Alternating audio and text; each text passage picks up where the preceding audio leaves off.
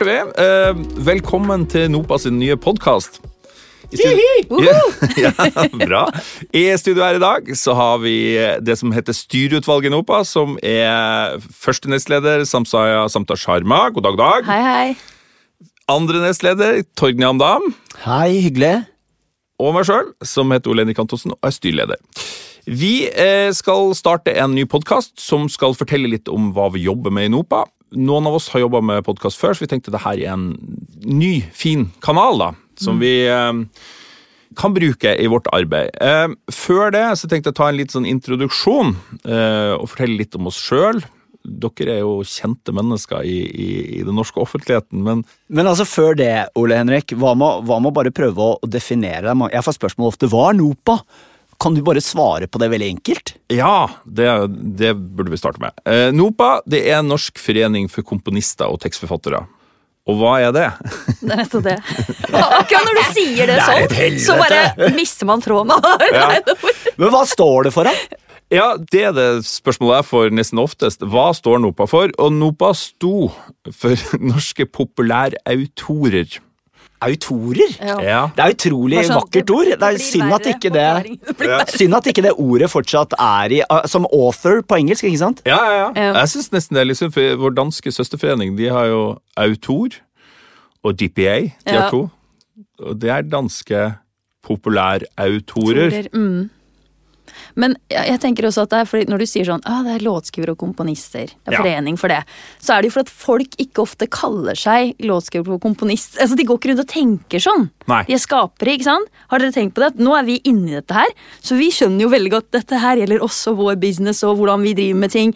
Men for andre der ute så er det sånn, ja, du sier den setningen, så det er i hvert fall sånn jeg opplever det, så har de vært litt sånn ja, hvordan har dette med meg sånn, det var Ja, sånn, Relaterer Ja, dette til meg. ja. For det er jo ofte flytende roller ikke sant? mellom eh, artister og låtskrivere. Veldig mange artister er låtskrivere, og folk som jobber med musikk eh, innenfor film, er eh, komponister, og alt flyter. Men altså det som, er, det som binder medlemmene i NOPA sammen, er jo at de er eh, skapende, skapere av musikk. De er ikke utøvende musikere, de er ikke bare artister. De må gjerne være det, og ofte er de det. Ja. Men det handler om at vi har verk i Tono. Ja. For det, det, og det, det er jo litt inne på det som ofte skaper forvirring, at veldig mange NOPA-medlemmer er også artister. Og da Dere artister hører jeg ofte hvis det er et sted. Men vi, eh, NOPA er altså en interesseorganisasjon for de som skaper musikk og tekst. Filmkomponister, produsenter, øh, øh, låtskrivere, tekstforfattere. ja. Ja. Men tekstforfattere til tekst til musikk igjen. Ikke sant? Ja, det er akkurat. Ja. Ikke sant? Så hvis du rapper, liksom, du er Ja. på Cypher, du får flow Der, For, det her følte jeg vi klarte å forklare jævlig bra. Ja, så nå kan det, vi begynne med introduksjonen. Sam. Ja.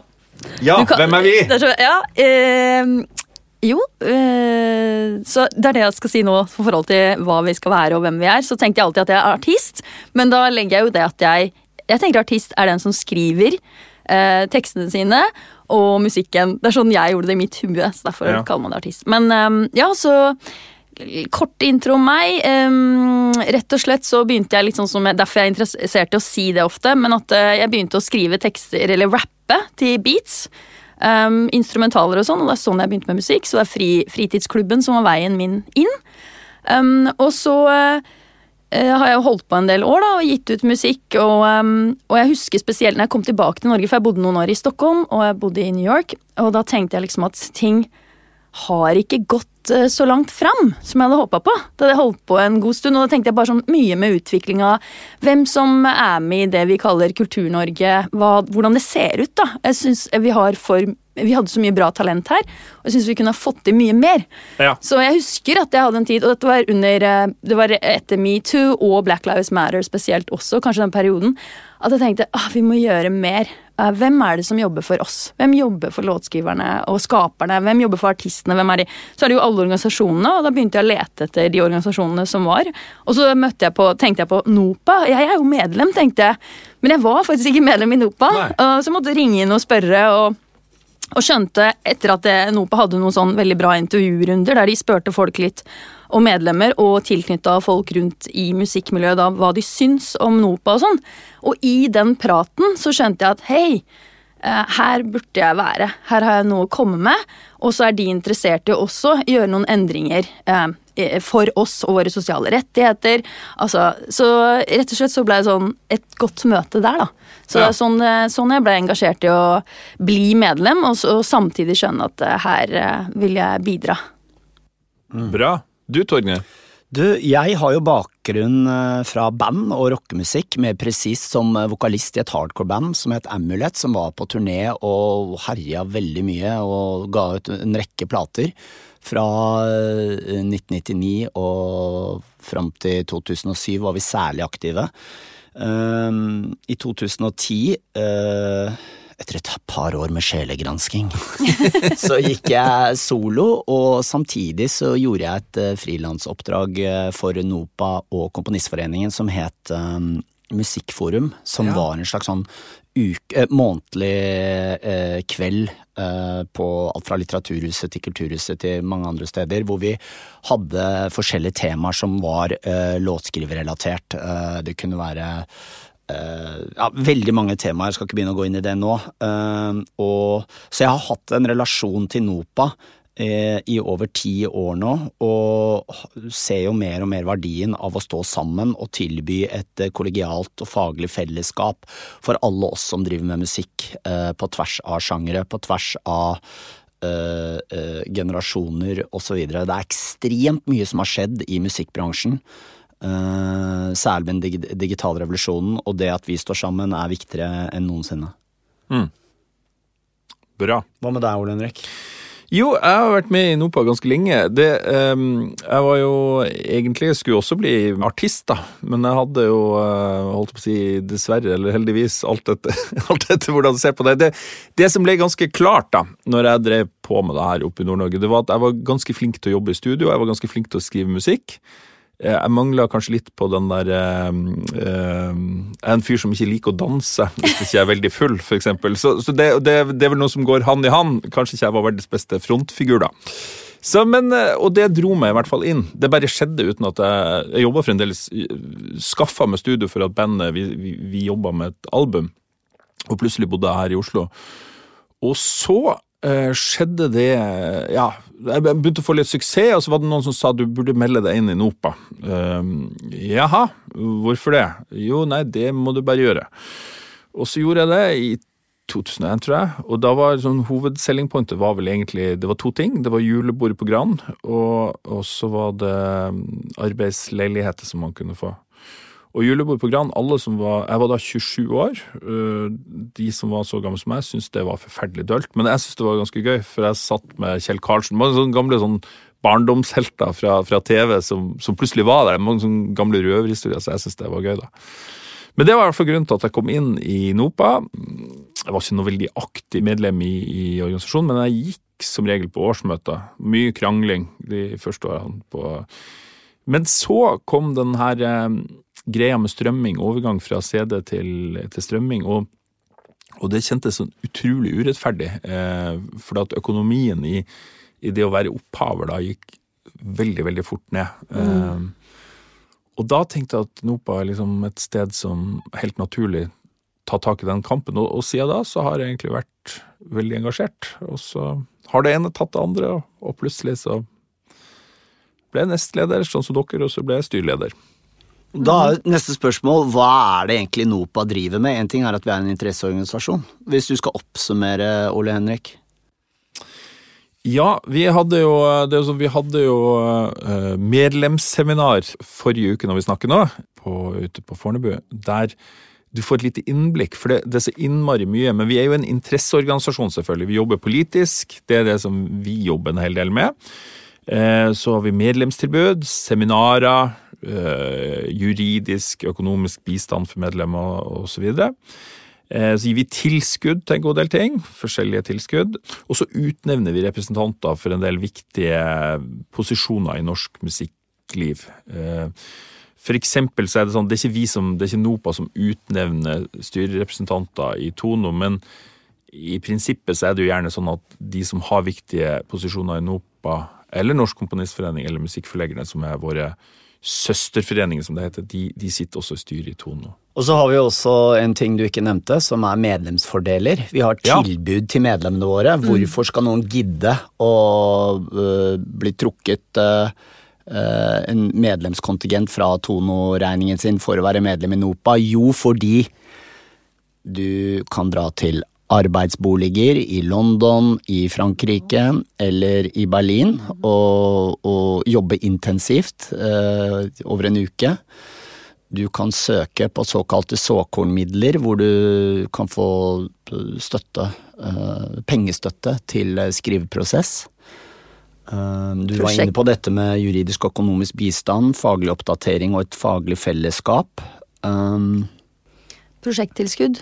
Prosjekttilskudd eh, er jo noe vi driver med. Er det noe mer sånn medlemstilbud kan, rett vi og har slett kan du ringe inn og få ganske mye Det er det jeg opplever at det blir Faktisk er eh, Administrasjonen er veldig dyktig til å ta inn en del forespørsmål og hjelpe til, da. Ja. Uh, I saker så jeg vil tenke sånn overordna så føler jeg at vi gjør jo alt som påvirker Vi er interessert i alt som påvirker deg som skaper når det kommer til musikk og tekst.